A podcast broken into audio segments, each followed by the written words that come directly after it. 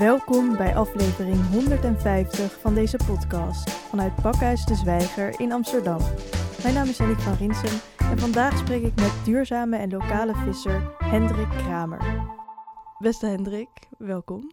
Dank je. Je komt uit een vissersfamilie en toen je klaar was met al je opleidingen verkocht je vader zijn vissersboot. Ja. Dat was toen misschien wel even balen. Ja, dat, eh, die zag ik niet aankomen, zeg maar. Toen was ik net een jaartje aan boord en toen zei hij, eh, ik stop ermee. En waarom stopte hij er toen mee?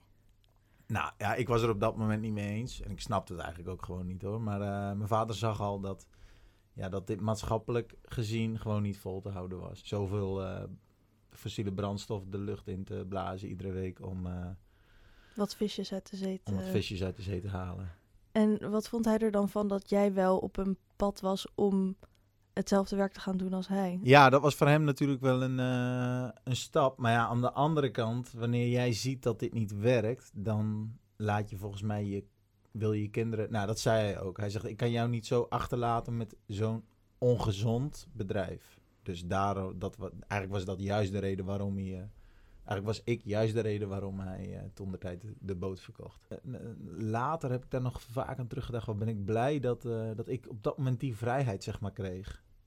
En wat betekende die vrijheid dan als je niks hebt? Heb je inderdaad vrijheid, maar wat is daar fijn aan? Het is niet een heel bewust proces geweest, maar ja, de dingen lopen dan vaak gewoon zoals ze lopen. Ik heb een hele omzwerving kunnen maken over, de, over eerst over de vissersvloot heen. En dat was eigenlijk gewoon eerst om een patiënten te verdienen, maar ja, dat was dan op verschillende soorten visserij. Dus ik heb er heel erg goed rond kunnen kijken. En van daaruit echt, zeg maar, bij mezelf te raden gaan. Want op, op, op het moment dat ik aan boord kwam, was ik nog maar 19 jaar. Nou ja, wat weet je dan?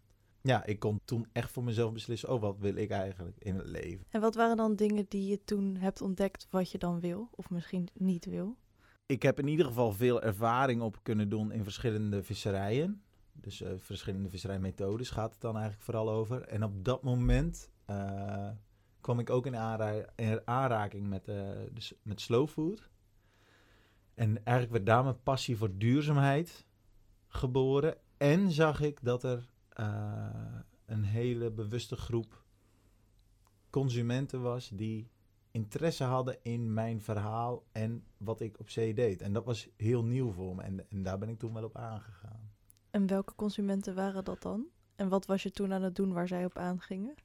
Nou, op dat moment eh, viste ik zelf op, op Noordzeekrab met kooien. En dat was eigenlijk in een veel te vroeg stadium. Eh, toen, wa- toen was ik eigenlijk iets te ver voor de muziek uit. Maar op dat moment viste ik met, eh, met kooitjes op krabben. En wanneer ik dan op een event kwam van slow food... en ik, ik mocht bijvoorbeeld krabben meenemen of zo... of ik mocht het iemand klaar laten maken, een chef... dan, dan zag ik eh, hoe, eh, nou, hoe fantastisch en hoe geweldig mensen dat vonden. En dat was nieuw voor me. Dat had ik nog- nooit eerder zo meegemaakt. Dus dat gaf je wel hoop van, ik heb een bepaalde ambitie en ideaalbeeld van hoe ik wil dat we in de wereld met ons eten omgaan. En dat je toen zag, er zijn meer mensen die daar ook zo over denken. Nou, ik had zelf zozeer dat ideaalbeeld nog niet. Maar ik zag wel dat het een andere kant op moest en zou gaan. Dus ik zag een, eh, een, een, ja, een trend. Ik zag in ieder geval een, hoe het er in de toekomst, op welke manier het in ieder geval zou toe moeten gaan. En toen zag ik dat we in de visserij eigenlijk nog wel heel ver achterliepen.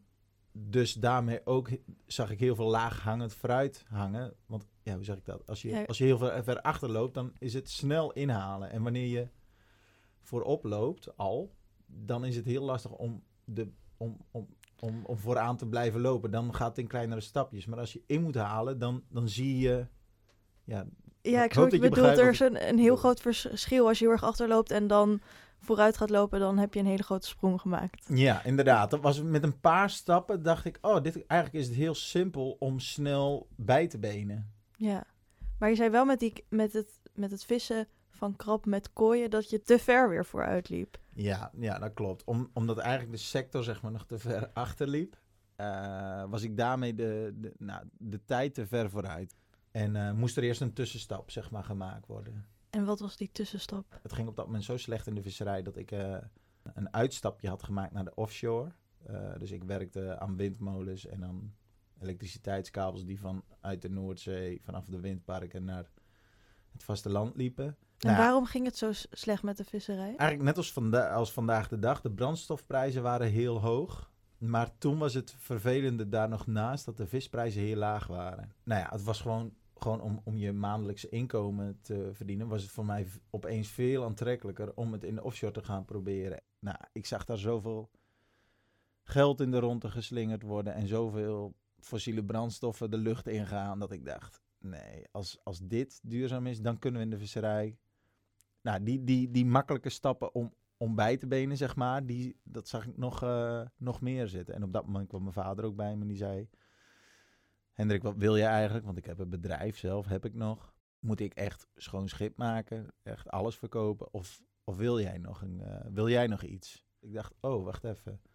Volgens mij als we een paar aanpassingen doen en een paar dingen op een andere manier... dan, eh, dan is er eigenlijk heel veel mogelijk op een duurzame manier. Ja, je zegt nu een paar aanpassingen, maar volgens mij zijn het best wel radicale aanpassingen die jij hebt gemaakt. Ja, nou ja, ja dat klopt. Eh, dat, dat, dat is heel groot. En dat, maar dat, achteraf gezien was dat eigenlijk de makkelijkste stap. Want wanneer je op, eh, helemaal opnieuw kan beginnen, vanaf de tekentafel, dan kun je dingen wel, eh, dan zijn dingen makkelijker te verwezenlijken. Al, is dat, al was dat ook niet makkelijk hoor, dat, dat, dat chargeer ik nu. Maar ja, dus we hebben een elektrisch schip laten bouwen eh, met eh, de doelstelling om 80% brandstof, minder CO2-uitstoot te hebben. Dat is gelukt. En dat is gelukt. En het belangrijkste was dat wij een, een, een low-speed, low-impact visserij zijn gaan doen. En nou, dat is eigenlijk de grootste winner geweest. Maar voor de rest is echt alles in het schip, omdat het vanaf de tekentafel opnieuw opgebouwd werd. Daar is over nagedacht om met minimale energieverbruik eh, te kunnen vissen. En, eh, en wat voor dingen kunnen we dan denken? nou ja, de voortstuwing dus. Dus eh, nou, het is gewoon een elektromotor. Dus, eh, eh, en daarin was de gedachte ook, oké, we zitten nu in 2015, was het op dat moment, nou ja, LNG-gasgeneratoren, dat was nog een, een stapje te ver. Eh, dus we zijn eerst, nou, eerst hebben we gekozen voor een dieselgenerator. En dan dachten we, nou, ergens 2020, 2025 zou dat een LNG-gasgenerator kunnen worden. En dan richting 2030 zouden we kunnen denken naar een waterstofgenerator. nou, eh, en zoals de ontwikkelingen nu zijn, lijkt het erop dat we die LNG-fase zelfs wel over kunnen, zouden kunnen slaan. En, dit, en je wacht daarop omdat die techniek nog ontwikkeld moet worden. Ja, en nou ja, je hebt ook naast techniek heb je dan ook nog te maken met regelgeving over veiligheid en, en dat soort dingen. Dus dat is eh, met voorschrijdend inzicht. Maar voor de rest is echt alles aan boord. Er, er zit een, een power management systeem in het schip. Dat is een soort, ja, we noemen dat een beetje de, de geest van het schip. Die schakelt eh, bepaalde verbruikers weer af die niet gebruikt worden. Of, eh, en dat zit tot in het kleinste toe, tot in, een, tot in lichtsensoren. Wanneer iemand in een ruimte niet aanwezig is, dat het licht daar gewoon uitgaat. Maar zelfs tot in het koffiezetapparaat hebben we gekeken, oh, hoeveel watt gebruikt die en hoeveel watt gebruikt die. Oké, dan kiezen we voor die, Dat is voor die, voor die, voor die zuinige. Een goedaardige geest. Ja, nou, die houdt ons voor. Die houdt, nou ja, dat het in ieder geval geen mensenwerk, zeg maar, eh, hoeft te zijn. Eh, dat je denkt, oh, is, eh, staat die lampen nog aan? Want wij vergeten dingen en, en een, een computer niet, zeg maar. Nee, maar dit klinkt allemaal best wel high-tech en ook best wel duur. Ja, ja, duurzaam is vooral heel duur. nee, dat klopt. Dat, dat, zijn, ja, dat zijn enorme investeringen. En zeker wanneer je het hebt over scheepvaart en dingen op zee, dat is gewoon ja, absurd duur. Dat, dat klopt gewoon. En dat zien we aan de windmolens op zee. We hebben geen idee wat dat, wat dat kost. Daarom zei ik net van, ik zag er zoveel geld in de ronde geslingerd worden. Ik dacht zo, dan kunnen we in de visserij nog wel wat. Ja, ik kan ook wat geld smijten dan, dacht je. Nou nee, wij, ik, ik denk juist dat eh, visserij en vissers en familiebedrijven erom bekend staan dat ze op hele lage kostenbasis kunnen werken. En dat is vooral, nou ja, zoals ik zelf dan, eh, omdat je ondernemer bent, dat je, nou, dat je het niet erg vindt om eh, 60, 70, 80 uur in de week te maken om, eh, voor, voor, voor, voor niks eigenlijk. Daar stuur je geen factuur voor. Ja, en dat gaat in die offshore wereld heel anders. Daar eh, wordt gewoon voor ieder poppetje dat er loopt, wordt er minimaal 350 euro per dag gerekend. En, en in de visserij kunnen we gewoon, ja, dat, dat heeft ook wat met de mentaliteit te maken. Heel hard werken. Kunnen we heel hard werken voor heel weinig eigenlijk. Waar Dus, komt eh, dat vandaan? Ja, want het is natuurlijk het oudste beroep ter wereld. Ik denk dat dat ook een, eh, cult een cultuurkwestie is. En ik, ik kom oorspronkelijk van Urk. Eh, en daar zit dat zo in de identiteit ingebakken, denk ik. Dat, ja, waar komt dat vandaan? Ik denk dat dat van generatie op generatie... Dus heel hard werken, vooruitlopen op de troepen, maar financieel brengt het veel risico's met zich mee. Ik heb eh, zaterdag nog tegen vrienden gezegd, toen ik om een uurtje of acht 's avonds eindelijk gedoucht en klaar was, dat ik zei, als ik deze uren gewoon voor een baas had gewerkt, dan was ik al, was ik al rijk geweest. Eh, maar eh, ja, dat, dat brengt ook financiële risico's met zich mee, dat klopt. Nou, het is niet makkelijk, dat, daar kan ik gewoon eerlijk over zijn. En zeker, ja, we hebben gewoon goed, we hebben echt goede beslissingen gemaakt. Zeker wanneer je kijkt naar duurzaamheid en verantwoord ondernemen. Maar op een, op een zeer ongelukkig moment. Eh, in december 2019 kwam, eh, kwam het schip in de vaart. Nou, dan, je weet hoe dat gaat met, ook wanneer je zeg maar een nieuw huis bouwt. Alles is tot de max afgefinancierd. Dus echt, het is net met je mond boven water. Mhm. Dat je nog een beetje trappelen kunt en eh, ademhalen. En toen kwam in eh, maart 2020 volgens mij kwam iemand eh, met een eh, snotneus al. terug uit Oostenrijk. En we weten allemaal wat toen gebeurd is. Dus alle restaurants dicht. Nou ja, en toen hadden we, nou ja, daar hebben we zulke klappen van gehad. En toen in, nou ja, dit jaar kwam de Oekraïne om de hoek kijken natuurlijk. Maar, maar ik moet zeggen, eh, want daardoor is de brandstofprijs weer enorm omhoog gegaan. Maar de vis is ook duur. En als ik één ding gemerkt heb, is dat waar wij baat bij hebben, is, is de situatie die we nu hebben. Fossiele brandstof zou gewoon duur moeten zijn. Maar ook vis en, en dingen die eigenlijk van waarde zijn Mhm. en waarde hebben voor ons, dus ons voedsel en zeker duurzaam gevangen of geproduceerd voedsel, dat moet ook waarde hebben. En we zien dus nu dat de visprijzen goed zijn. Nou, duur zelfs, durf ik wel te zeggen. Mhm. Maar in deze situatie met extreem hoge brandstofprijzen, maar ook dure visprijzen, daar gaan we beter op dan tijdens COVID. eh, met lage brandstofprijzen, maar ook lage visprijzen. Want dat is echt killing voor, voor, voor, eh, nou, voor, voor- in ieder geval voor duurzame visserij. Ja, en dus je zegt al heel duidelijk van we zouden waarde moeten geven aan duurzaam eten, Ja. omdat het heeft waarde in onze maatschappij, in, in de wereld. Maar dat gebeurt nog niet, want inkopers die hebben nog niet het idee dat ze die vis die duurzaam gevangen is voor een hogere prijs weer kwijt kunnen. Ja, klopt. Ja, het, en, dat, is, en, en dat, dat begrijp ik hoor, want aan de vis zelf kun je het verschil niet zien. Je ziet niet, eh, je ziet niet oh, de, ja, deze vis is groen of die vis is eh, rood. Dat, dat zie je aan de vis, aan het product zelf kun je dat niet aflezen. Dus Ja, je zou er de hele tijd bij moeten, moeten blijven staan en zeggen... ik heb deze vis heel duurzaam gevangen, eet hem op. Ja, im- implementeren en de inspanning van de duurzame visserij. Want als, je, als jij gaat verduurzamen en met minder impact, dan ga, je, dan ga je uiteindelijk minder vis vangen. Ja, Dus dat, eigenlijk zou dat meer verwaard moeten worden. Dus het zou eigenlijk meer waarde. Het zou Ja. eigenlijk waardevoller moeten zijn om, om een duurzaam visje boven water te hengelen. mhm. Maar dat, dat stapje, om dat eh, zichtbaar te krijgen, om, om die waarde in dat product terug te laten komen, dat is echt verrekte moeilijk. Ja, en dat is dus eh, omdat je minder vangt, dat je eh, waarde toevoegt aan het klimaat. Ja, Eigenlijk. eigenlijk, wel. Eigenlijk, ja, een duur, ja je, de waarde zit hem in dat we een houdbaarder wereld, Wereld. maar eh, eh, laat ik het gewoon in het klein houden, bij onze eigen Noordzee, onze eigen akker, onze eigen tuin, die in Nederland eh, hier voor de deur heeft liggen, waar zoveel rijkdom in zit, om die eh, duurzaam te beheren, eh, daar, zou, daar zit de waarde in. Maar om, de, om die waarde, zeg maar, in, uit het product naar boven te halen, of die waarde toevoeging eh, zichtbaar te maken in dat product, dat is gewoon verrekte lastig. Op een wereldmarkt, hè. Want vergeet niet dat doordat we de wereld een dorp geworden is en dat we gamba's uit eh, Vietnam halen, uit de kweekvijvers eh, van de Mekong-delta eh, Naar Nederland. naar Nederland. Nou ja, dat vind ik dus het grappige. Wanneer ik hier vertel, ik, en ik, ik, zeg tegen mensen die ik ontmoet, ik zeg, oh ja, nou, wat, wat gaat er snel over wie ben je, wat doe je? En ik vertel, ik ben visser.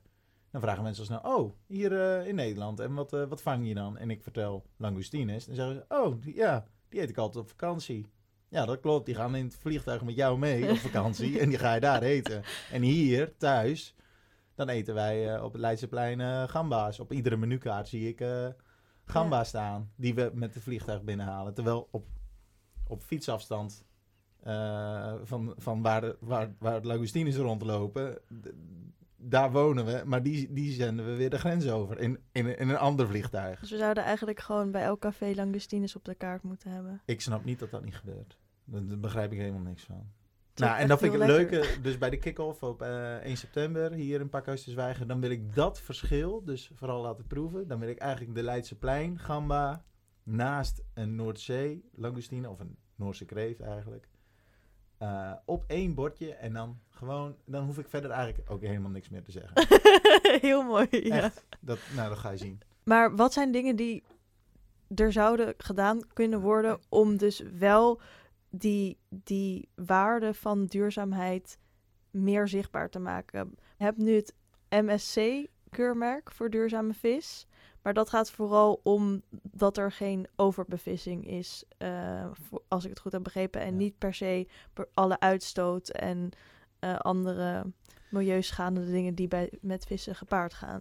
Nou, gewoon niet alle dingen. Eh, MSC gaat inderdaad. Kijk, en het is een heel moeilijk onderwerp. Hè? Dus eigenlijk moet ik erg, ergens zeggen dat MSC eigenlijk nog, nog de beste is.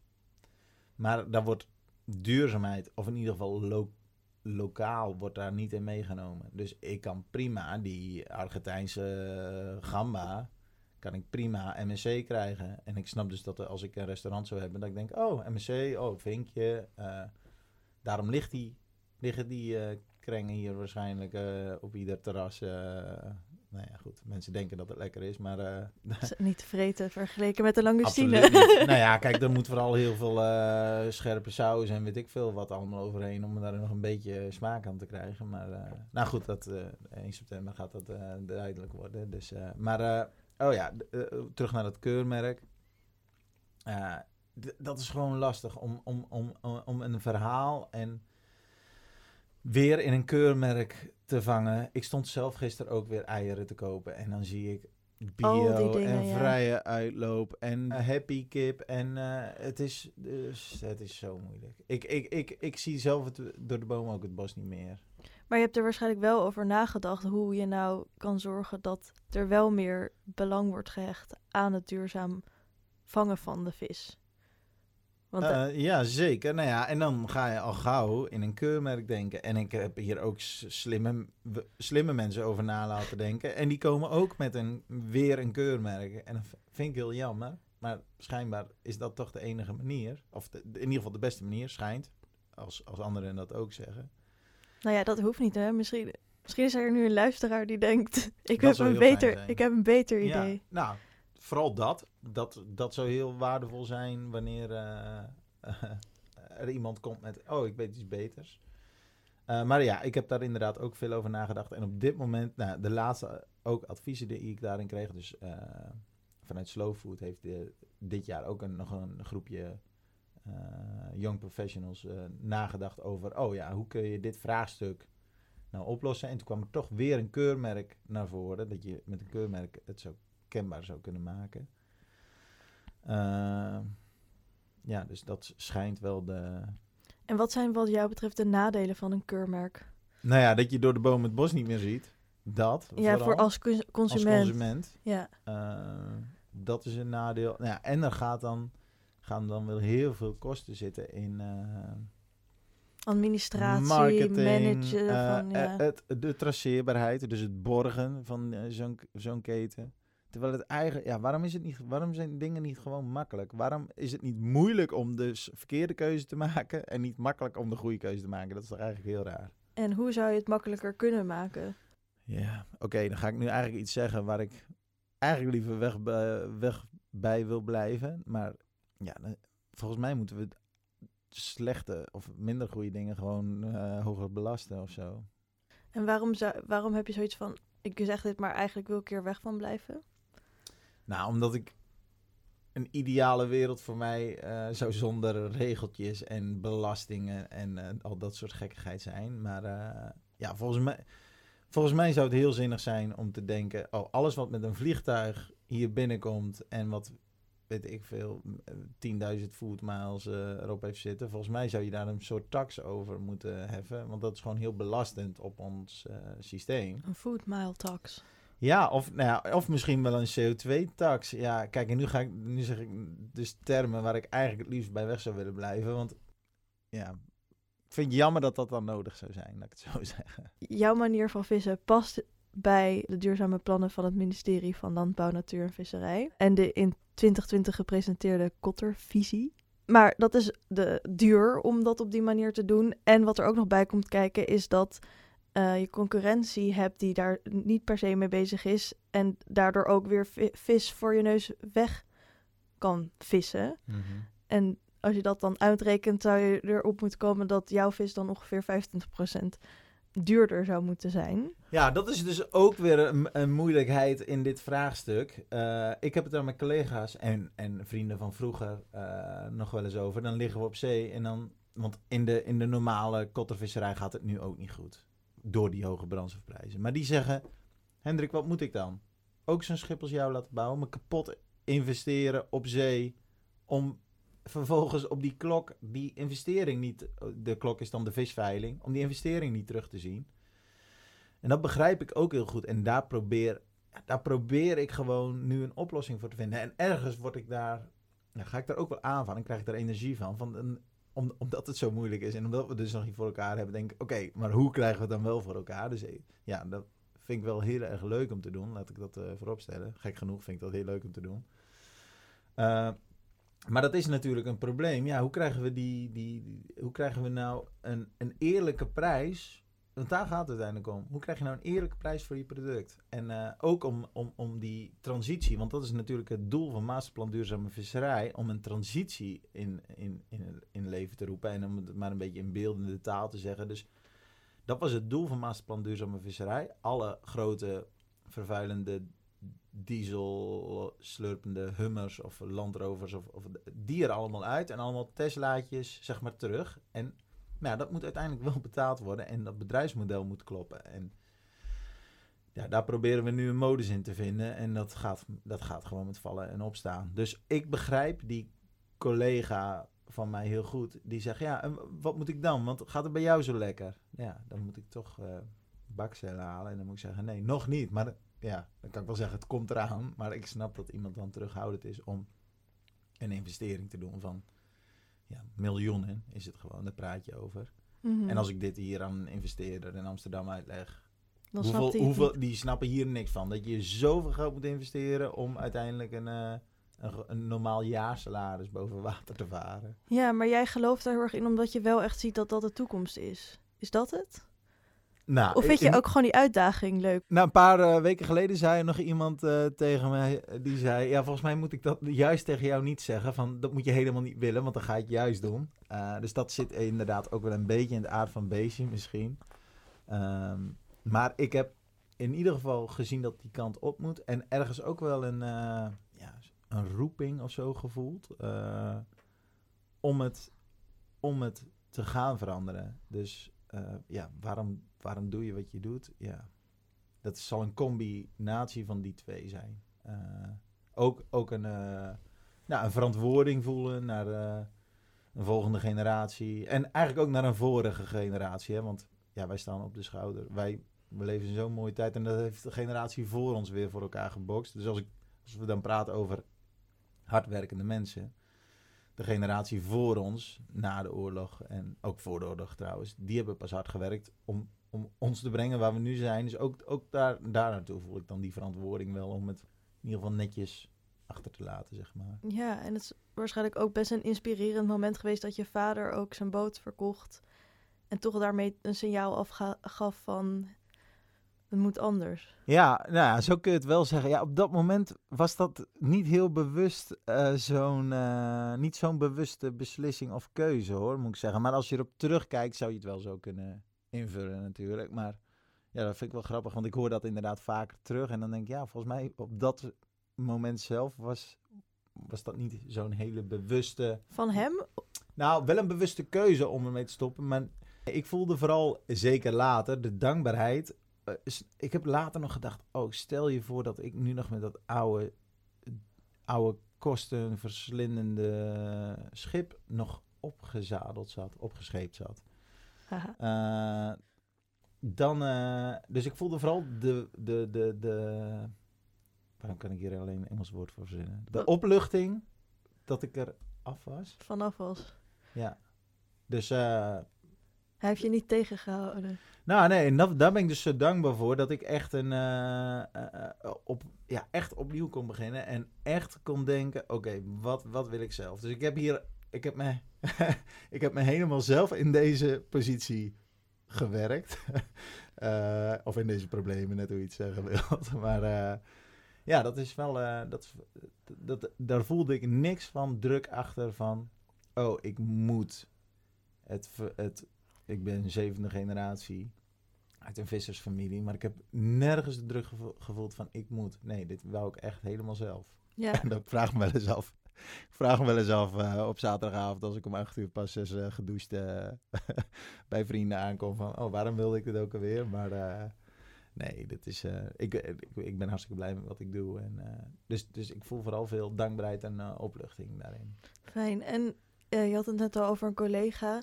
Want jij durft het dus allemaal aan. Je vindt het misschien stiekem wel heel leuk om al die uitdagingen te hebben. Maar er zijn veel colle- collega's van jou die heel, heel veel begrijpelijke redenen hebben om dat niet aan te willen. Ehm, wat moet er gebeuren, ook vanuit de politiek, om hen een bepaalde zekerheid te geven of een soort van perspectief te geven, waardoor zij dat misschien wel zouden durven aangaan? collega's voelen niet vanuit de politiek zeg maar, zich gewaardeerd en eh, dat wij nodig zijn op zee. Maar dat, dat, dat komt door de signalen die er zeg maar, afgegeven gegeven worden, die, die wij zien op zee. Eh, maar de politiek zegt wel degelijk: hey, visserijsector, wij vinden jullie belangrijk en eh, eh, jullie moeten er kosten wat kost blijven. Maar wanneer je, op zee, wanneer je zelf op zee bent en je ja, en dit is heel zichtbaar voor ons. Hè? Wij liggen in een gebiedje te vissen en dan zien we opeens zien we daar een, zo'n schip waar ik dus in de offshore zelf op gevaren, heb, ge- ge- op gevaren heb. Die zien wij daar dan wekenlang eh, Heen en weer. li- heen en weer varen en die zijn de bodem aan het inmeten. Dat weten we. Wat houdt dat in? Nou, dan zijn ze bodemonderzoek aan het doen. Omdat daar. En dan een, een, een paar weken. Dus dan zien we de hele tijd een scheepje liggen. Op onze gebieden. Hè. Dan moeten wij voor af. Dan moeten wij voor uitwijken. Dan, dan- we hebben daar, op zee heb je met elkaar te maken. Dus we zien daar wekenlang een scheepje liggen. En dan een paar weken later zien we een bericht in de krant. Of in de staatscourant. Oh, in dat en dat gebied. Daar wordt binnenkort een windpark gebouwd. Daar mogen jullie niet meer komen. Snap je? Dus je voelt je. Het wordt steeds drukker op die Noordzee. En wij voelen ons echt. Nou ja, wij moeten zeg maar ruimte maken en plaats maken. Zonder dat er zeg maar vooraf gecommuniceerd wordt. eh, ga, we gaan windparken bouwen. Maar waar zouden we dat bijvoorbeeld kunnen doen? Snap je? Er wordt maar gedaan. Ja, ik, ik begrijp heel goed dat die waardering in ieder geval niet gevoeld wordt. En dat er heel erg het gevoel leeft van wij moeten maar plaats maken. En dat is ook zo, zeg maar. Dat is Nou ja, het zou dus helpen, want daar begon je vraag mee. Het zou denk ik helpen wanneer er uit de politiek in ieder geval zichtbaar eh, een signaal afgegeven wordt van dit is de oudste gebruiker en daar gaan we in ieder geval netjes mee om. Daar gaan we in ieder geval eh, mee, in ieder geval in overleg van jongens, eh, eh, duurzame energie moet er nou eenmaal komen. Of eh, wind op zee moet er nou eenmaal komen. Los van wat ik daarvan vind, hè, van wind op zee. Want als je op zee bent en werkt en je denkt, hmm, nou, wat ik net al zei, dat kost een intensief plaatje. Want zo'n zo'n zo'n surveyschip, die we daar dan weken zien liggen, die kostte zo 50.000 euro per dag. Hè? Wow, Ja. ja. dat is bizar. En wanneer je zelf als visser op hele lage kostenbasis werkt, echt super lage kostenbasis, dan is dat wel eens moeilijk te rijmen. In ieder geval, wat ik hiermee wil Ja, dan zeggen... vraag je af waar, waarom wordt het geld niet in ons geïnvesteerd? Ja, omdat dan schijnbaar eh, eh, elektriciteit eh, opgewekt door windmolentjes op zee waardevoller is dan een stukje duurzaam gevangen vis. Snap je? Dus wij vinden het, en, en dat begint ergens met, ook met wij zelf, zoals we hier aan tafel zitten. Wij vinden het waarschijnlijk belangrijker dat iedere avond ons telefoontje aan de oplader kan. En dan eten we maar Gamba's. gamba's uit, via, uit de Mekong-delta. Eh, in plaats van, snap je? Dus Ja. dat, dat begint, als we het helemaal klein afbreken, begint het uiteindelijk weer bij onszelf. En ik stond zelf gisteren ook weer voor dat schap, hè, bij de Appie. Daar zou ik eigenlijk al niet naartoe moeten gaan natuurlijk, maar ik stond er wel. Want het om de hoek. En dan sta ik ook voor de eieren. En dan denk ik, op een gegeven moment denk ik zelfs maar, ik pak wel de duurste, want dat zal wel het beste zijn. Ja, Zo ga ik nu inmiddels denken. Dus misschien is er echt, misschien komt dat goed met die waarde ooit. voor, eh, dat je denkt, oh, ik pak het duurste visje maar, want dat zal, eh, dat zal de, de beste keuze Ja, maar goed, niet iedereen kan die keuze elke dag maken. Nee, absoluut. Eh, nee, absoluut. Nou, en daarom, ik denk uiteindelijk dat de beste stok om mee te slaan. Ik, eh, ik weet dat het een slechte vergelijking is, maar uiteindelijk die prijs is. Dus wanneer het makkelijk is, wanneer we denken, oh, ik pak de goedkoopste en dat is ook nog de beste keus, dat zou het allermakkelijkste zijn. Maar dan zou dat anders zwaarder belast moeten worden. Snap je wat ik bedoel te zeggen? Dus Ja. die, die, die, die gamba die op ieder eh, terras in Amsterdam eh, te vinden is, die zou gewoon knijterduur moeten zijn natuurlijk. En die langoustine die hier op fietsafstand uit de zee komt, die zou eigenlijk de goedkoopste keus moeten zijn. En dat Ja. is ook nog de lekkerste keus. Nou, everybody wins. Ben jij nog eh, aan tafel gaan zitten met Henk Staghouwer, de minister van eh Landbouw, Natuur en Voedselkwaliteit? Ehm, ja, Eh, ik ben daar geweest. En nou ja, hij zei dus wel dat inderdaad MDV, dus de schepen, die elektrische Teslaatjes van de zee, zeg maar, dat wel het idee is van het ministerie, in ieder geval welke kant het op moet met de visserij. Maar op dit moment, die transitie is op dit moment zo moeilijk. Kijk, met een, een scheepje als ik ben je gewoon weersafhankelijk. Meer van de seizoenen afhankelijk. Net wat je vangt. Ja, en ik zelf zit in een positie. Ik ben vrijgezel. Ik, ik eh, heb geen gezin. Dus als, wanneer ik aan collega's uit moet leggen. eh, ja, ga dit ook doen. En die zeggen: Ja, maar Hendrik, hoe doe ik dat dan? Want ik heb bijvoorbeeld aan boord wel jongens die een gezin hebben. En waar iedere week geld moet komen. En ik, ik kan in de winter wel eens zeggen: Nou, ik sla mijn loon over. Dat, dat deel van mij dat gaat naar de jongens toe. Maar dat is, ja, het is natuurlijk niet gezond. Dat is geen gezonde bedrijfsvoering. Mhm.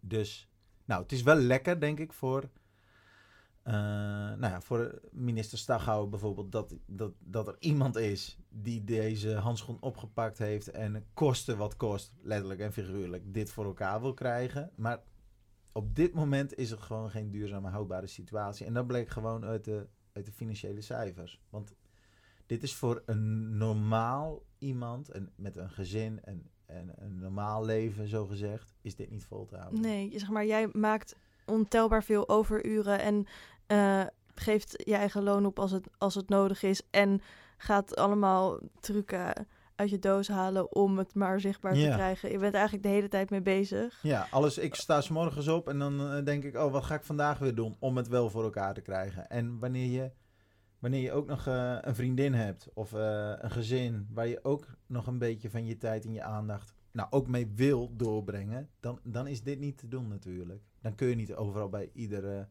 pakhuis de zwijger moment s'avonds aanschuiven, want je vriendin zegt ook eens, oh, wanneer is het dus tijd voor mij? Of de kinderen zeggen, papa, wanneer ga je eens mee bij voetbal kijken? Snap je? Dat, dat Ja. is niet te doen. Dus eh, nou ja, ik denk dat het voor mini- minister Staghouwer lekker is dat, dat, er een, dat, dat dit initiatief er is. Masterplan Duurzame Visserij. Ik denk inderdaad echt dat het een goede showcase is. Maar nou ja, ik denk dat we vooral moeten kijken met deze gekke showcase. eh, om het wel financieel rond te krijgen. Dat het wel een, een, een, een, ook een financieel duurzame En, en dus het is is. lekker voor hem om die showcase te hebben. Maar wat kan hij er dan voor terug doen om het dus financieel houdbaar te, te maken? Nou ja, ehm, nou ja, er wordt nu al heel veel opgetuigd, gelukkig. Tenminste, dat zit allemaal in. Dat, dat heeft hij mij natuurlijk ook wel verteld toen. Van, oh ja, we, want we gaan dit doen. En dat hoort dan bijvoorbeeld een visserij-innovatie-netwerk. Waaruit, nou, waar in ieder geval zeg maar, denktanks weer worden opgezet van: hey, hoe kunnen we dit wel financieel houdbaar, haalbaar krijgen? Eh, dus, dus nou, daar moeten we gewoon nog even op wachten. Denk ik. Of ik, zo ben ik in ieder geval zeg maar weer nou, oké, dit klinkt flauw, maar zeg maar weer met een kluitje het riet ingestuurd van. modder nog even aan. Precies, maar wat voor dingen komen, komen er dan aan? Nou ja, kijk, en dat is ook lastig natuurlijk. Dat zullen vistechnieken misschien zijn waar we nu nog, nog niet eens van kunnen bedenken dat ze er zijn. Dit soort dingen worden wel zeg maar opgetuigd vanuit financiële middelen, vanuit het ministerie. Dus, uh, nou, en zoals ik al zei... Gewoon ja, investeringen vanuit het ministerie. Nou ja, om, om zulke een visserij-innovatienetwerk, dat kost, kost ook geld natuurlijk. Maar als ik het afzet tegen hoeveel er wordt er geïnvesteerd Wind- in windenergie op zee, wat volgens mij een heel slecht idee is, want de zoutwater, elektriciteit en de duurzaamheid, de, de, de levensduur van spullen op zee, kan ik je... Ko nou, koop een boot, werk je dood. Dat heeft een reden. Want alles op zee, de, de, de, de levensduur van spullen op zee, zet je fiets maar eens bij, eh, een weekje bij het strand neer. Dan, zie dan, dan snap je wat ik bedoel. Dus, eh, nou goed. Daar gaat in ieder geval geld genoeg naartoe, denk ik. Naar windenergie op zee. Uh, mijn simpele ondernemersverstand denkt wel, hoe is dit rond te breiden? Wanneer wij daarnaast een schip liggen, die daar niks ligt te doen, die 50.000 euro per dag kost, dan denk ik, hoe, hoe doen ze dit? Ja, snap ik. Maar wat zijn dingen die hij zou moeten doen? Of... We hebben het in ieder geval, uh, nou ja, bijvoorbeeld, die, uh, er, er, is nu een uh, saneringsregeling treedt in werking. Nou, en, en die zou er al komen hoor. Maar ja, dat heeft ook allemaal best wel lang op zich laten wachten. En dat zal allemaal zijn redenen hebben. En er is een heel innovatieprogramma weer opgetuigd. Uh, ja, en daar heb ik, heb ik in ieder geval heel veel zin in. Om dan samen met de sector, zeg maar, die positieve energie weer even te pakken te krijgen. Van, oh ja, wat kan wel? En, uh, en wat kan dan wel, bijvoorbeeld? Nou ja, we kunnen zoveel we, uh, met innovatie. En zeker met de huidige technieken van vandaag. dus om op zee, nou, in ieder geval waarde toe te voegen. En het ja, dus ook zichtbaar maken. En, en nieuwe vangsttechnieken waar, waar we nu misschien nog niet eens van kunnen bedenken dat ze, dat ze kunnen. Uh, ik hoorde laatst een, uh, een leuk uh, feitje over dat Noordzeetong bijvoorbeeld, wanneer je die zou willen lokken met aas, dat ze heel goed gaan op banaan en bananenschillen. Ja, gek hè? Ja, ja. daar stond ik ook wel een beetje van te kijken. Nou, en dat, uh, ja, kokkies die we bijvoorbeeld hebben, dat, dat je die ook met koortjes zou kunnen vangen, bijvoorbeeld. Dus, uh, nou goed, dat is, dat is, nee, en weet ik veel, misschien wel onderwater drones of uh, onderwater robots. Dat kunnen we misschien nu nog wel niet bedenken, maar voor zulke innovaties, daar, daar zijn in ieder geval middelen voor om, om weer iets nieuws te bedenken. En ook genoeg wetenschappers die zich daarmee bezighouden. Ja, absoluut. Want wat dat betreft moet ik wel zeggen dat we in Nederland wel uh, redelijk uh, in de voorlinie liggen met onze nou, met Wageningen en TU Delft en Marin en noem maar op. dus ja, ik, ik, zie de ik zie de toekomst vooral positief in. En hoe gaat het nu met je boot en je bedrijf? Nou, mm, 2022 in ieder geval beter, omdat ondanks de, dat we nu weer de volgende oliecrisis te pakken hebben. Dus na, na dichte restaurants en uh, noem maar op, hebben we nu gigantisch hoge brandstofprijzen. Maar de vis is nu weer duur. En dat, is, uh, dat helpt enorm. Want komt die, zeg maar, die prijsverhoging direct bij jou terecht? Ja. Ja, die oorlog in Oekraïne, die kost... Nou, niet alleen direct bij mij, hè. Ook bij de jongens aan boord. En ja, daar ja, hoor ik bij. Ja. Ik hoor ook bij de jongens aan boord. Maar dat kost een gemiddelde visser in Nederland... Ik denk iedere week zo 300, 400 euro in de week. Dus gewoon doordat de brandstofprijzen zo hoog zijn. Dus dat is echt wel, uh, dat is echt wel fors. Ja, en uh, ja, als je als dan thuis de. En daar heeft iedereen in Nederland last van. Uh, ook nog de energierekening een 100 of 200 euro in de maand omhoog gaat. Dan is 300, 400 euro per week die je mist. Is echt wel fors geld hoor. Dus ja, we krijgen. We krijgen zware klappen. links en rechts. Dus het gaat niet top. Jij vroeg vanmorgen ook, hoe gaat het met je? Ja, mij gaat hartstikke goed. Want ik denk dat we in Nederland nog steeds niks te klagen hebben. En er wordt hier goed voor ons gezorgd. En, uh, maar ik snap wanneer je een gezin hebt en uh, wanneer, je, wanneer het al lastig is, dat het lastige tijden zijn. Ja. Ja, en daar heb ik zelf iets minder last van. Maar omdat, ja, ik ben maar alleen en uh, dan liggen je kosten gewoon wat lager. Maar ik kan me voorstellen dat wanneer de kinderen naar de crash moeten en uh, iedere maand uh, ze uit hun schoenen gegroeid zijn, dat het, ja. Ja, dat het gekke tijden zijn. Ja. En zeker wanneer je visser bent. En ja. Ja, dus ik denk dat we die Leidse pleingamba echt links moeten laten liggen. En lekker langostinetjes op de kaart moeten gaan krijgen. Want dan als die vraag toeneemt en... eh, uiteindelijk moet het uit het product komen natuurlijk. Wat bedoel je daarmee? Dat wij die waarde er als Nederlander aan gaan geven. Dat we gaan kiezen voor die langoustine in plaats van die gamba. En ook restaurants en chefs. En wanneer we daar vooral van naar gaan vragen. Dat, dat het dan kan. Want dan heeft het, heeft het die waarde. Want dan produceren wij op zee. Dan zijn wij aan het vissen voor, voor onze bevolking. Voor onze... Ik denk dat dat heel belangrijk is. Je zegt, je, je ziet de toekomst positief in. Dus hoe zie jij de toekomst de komende vijf jaar? Waar ga je mee bezighouden? Nou ja, ik denk dat we terug moeten naar lokaal. Eh, veel meer lokaal. En ik denk dat dat geslepen met, met eten, ook met goederen trouwens, laten we, laten we vooral daarmee beginnen. Maar Ja. ook het geslepen met eten over de hele wereld heen. Ik denk dat we daar echt eens mee moeten gaan stoppen. Want dat heeft, wat heeft dat voor zin? Ik, eh, dat, dat we, wij in Italië of in Portugal onze eigen langoustines zitten te eten. Hoe?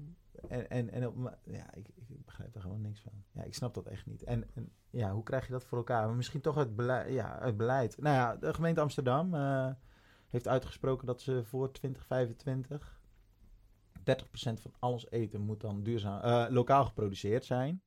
Nou, het is zo, het is zo 2025, dat duurt zo lang niet meer. Dus eh, wanneer eh, de gemeente Amsterdam luistert, eh, dan vraag ik me vooral af, hoe gaan we dat doen? Ik ben blij hoor met die doelstelling, maar eh, het nu nog voor elkaar krijgen. Duurt het zo lang niet meer, dan zijn die gamba's, eh, die, die zijn op geen enkel Amsterdamse terras meer te vinden. En dan liggen daar waarschijnlijk allemaal langoustines. Maar hoe gaan ze of we dat doen? Daar ben ik heel benieuwd naar. Ja.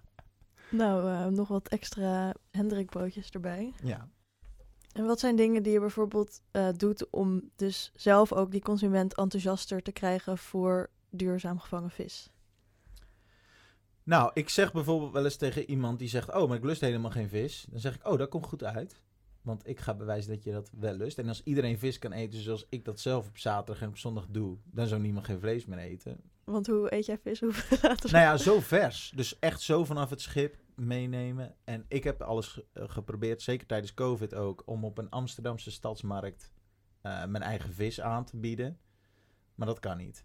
Wanneer je uit Volendam komt en al 100 jaar hier eh, vis uit Verwegistan heen haalt, om dat op de stadsma- Amsterdamse stadsmarkt te verkopen, dan heb je hier een plek. Maar ben je de enige visser van Amsterdam en je probeert de vis die je hier uit je eigen achtertuin haalt op de Amsterdamse stadsmarkt te verkopen, dan is daar geen plek. En hoe komt het dat er geen plek is? Nou ja, dat is waarschijnlijk gewoon zo gegroeid. En dat heeft met vergunningen te maken en plekjes en oud, ook oudste gebruikers. Dus sta je hier al 100 jaar en je komt uit Volendam en je doet dit al 100 jaar, dan, ja, dan heb je je plekje. Maar voor nieuwe initiatieven en duurzame initiatieven, daar is, eh, nou, dat probeer ik al zo lang. En mailen met de gemeente en dan weer eh, marktbeheer en, en weer iemand anders. Dat is, Is ja. er een soort wachtlijst of zo? Ja, ja, er is een wachtlijst en het is een hele ja, bureaucratische romslomp natuurlijk. En ik begrijp allemaal hoe dat komt. En, maar hier zou toch... Dit is, dit, dit is toch aan, aan iemand niet uit te leggen dat je je vis die je hier zelf vangt in je geen eigen enkele stad, markt. in, in je eigen stad niet kwijt kunt. Dat is toch gek? Ja, Dat je is- zou bijna doen, doe een soort van illegaal standje ergens. Oké, ga ik doen. Goed idee. Ja, nou, ja, misschien, misschien moet het inderdaad van, vanuit die, op die manier, maar misschien heb je wel een goed idee. Ja, Nou, ik als weet er niet meer hoeveel luisteraars ik weet zijn niet met deze goede ideeën. ik weet niet hoeveel problemen je kan krijgen als je dat zou doen. Nou, maar als dit nou voor een rechter zou komen, hè? stel dit zou voor een rechter komen en je zou uitleggen, ik, ik vang die vis zelf, ik ben hartstikke lekker en duurzaam bezig en ik probeer dit gewoon, dat, hier kun je toch niet de bak voor indraaien? Dat is toch... Er, er is ook zo'n man die met, zijn, die, eh, met een boot door de grachten vaart en dan groenten en zo uit zijn eigen tuin Is dat zo? Ja. Oh, wat gaaf. Kan je niet door, gewoon in een bootje door de, langs, door de grachten va- varen? Misschien moeten we toch wat leren van eh, uit Vietnam met die, die floating markets, weet je wel, waar die mensen gewoon uit een bootje groenten en verkopen inderdaad, en maar gewoon je eigen vis ook. Oh ja, dan kun- je net, ben je natuurlijk niet te pakken voor de overheid. Ja, dan gewoon een, een vissersboot en een verkoopbootje Ja. op de grachten. Ah, een sloep, wat een goed idee. Nou, misschien heeft er nog iemand een, eh, een oude sloep liggen of zo, die, eh, die daar toch maar een beetje niks ligt te doen in de Amsterdamse gracht. Wat een goed idee. Oh, ik vind het wel een goed idee trouwens. Op zaterdag. Je bent 24-7 aan het werk straks, maar dat was je ik- was ik sowieso toch al. ik heb dus het idee dat ik vaak zoveel informatie op de mensen afstuur dat het je eigenlijk begint het ook door het de boom het bos niet meer ziet. Dus net als voor dat eh, eierschap, waar je de schap met eieren, dat je.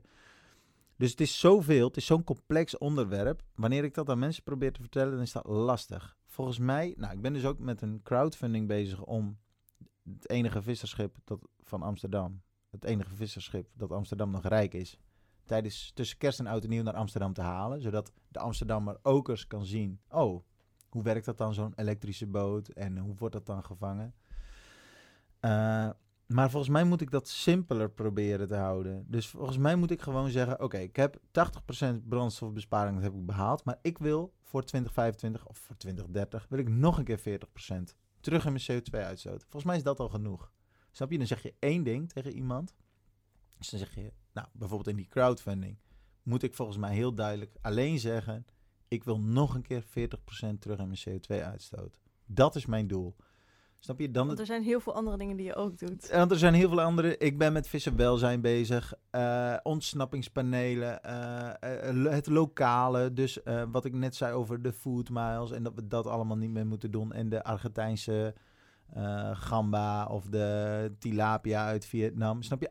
Als ik al die dingen opsom. Nou, volgens mij zien mensen dan door de boom het bos niet meer. Dus wat we allemaal zouden moeten doen. Het is veel duidelijker wanneer ik alleen zeg. Mijn volgende doel is nog een keer 40% brandstofbesparing. En dan alles daarnaast. Dus en vissenwelzijn en eh, ontsnappingspanelen en lokaal geproduceerd en eh, noem alles maar op. Dat kan ik daar eigenlijk achterwege laten. Want dat zeg ik. ah, het is alsof ik tegen eh, alsof ik mezelf op, alsof ik tegen mezelf preek. Ik zeg ook vaak: duurzaamheid is wel degelijk te meten. En dat kun je meten in die brandstofbrief. Dus in die, in die, in die CO2-uitstoot. Daar is die duurzaamheid in te meten. In de Formule 1 ge- krijgt iedereen 150 liter brandstof. En dan zegt, laten we voor de rest, zeggen we, zoek het maar uit. Dus degene die, die met de beste stuurmanskunst, maar ook de, met de meeste innovatie, de meest, het meest innovatieve team, die wint. Maar alles ligt vast in die 150 liter brandstof. Nou, volgens mij zou het een goed idee zijn om dat ook in de visserij te gaan doen. Dat we zeggen, eh, iedereen een, een, een, een, een Oeh, nu wil ik bijna CO2-budget zeggen. Maar, maar ik bedoel, dat is wel, dat is wel een level playing field. Ja. En dan kan innovatie en eh, skills, eh, die gaan het dan winnen. Dus wanneer er dan een andere visser komt, die veel beter is in het vak dan ik, die, en die mag dan ook winnen. Hè? Dan is het fair en square. Maar op het moment dat ik het met eh, eh, eh, 8000 liter brandstof moet doen en iemand anders met 60.000 liter brandstof, ja, dat is niet eerlijk. Dus ehm, wat wilde ik hier nou mee zeggen? Het is eigenlijk heel simpel. We kunnen die duurzaamheid vangen in, in brandstof. Want dat, is, dat bepaalt uiteindelijk met hoeveel impact jij op zee bezig bent. Oh, moeten we toch naar een CO2-tax of zo eh, toe? Ja. We gaan het zien. Heel veel dank voor je komst, Hendrik Kramer. Dankjewel.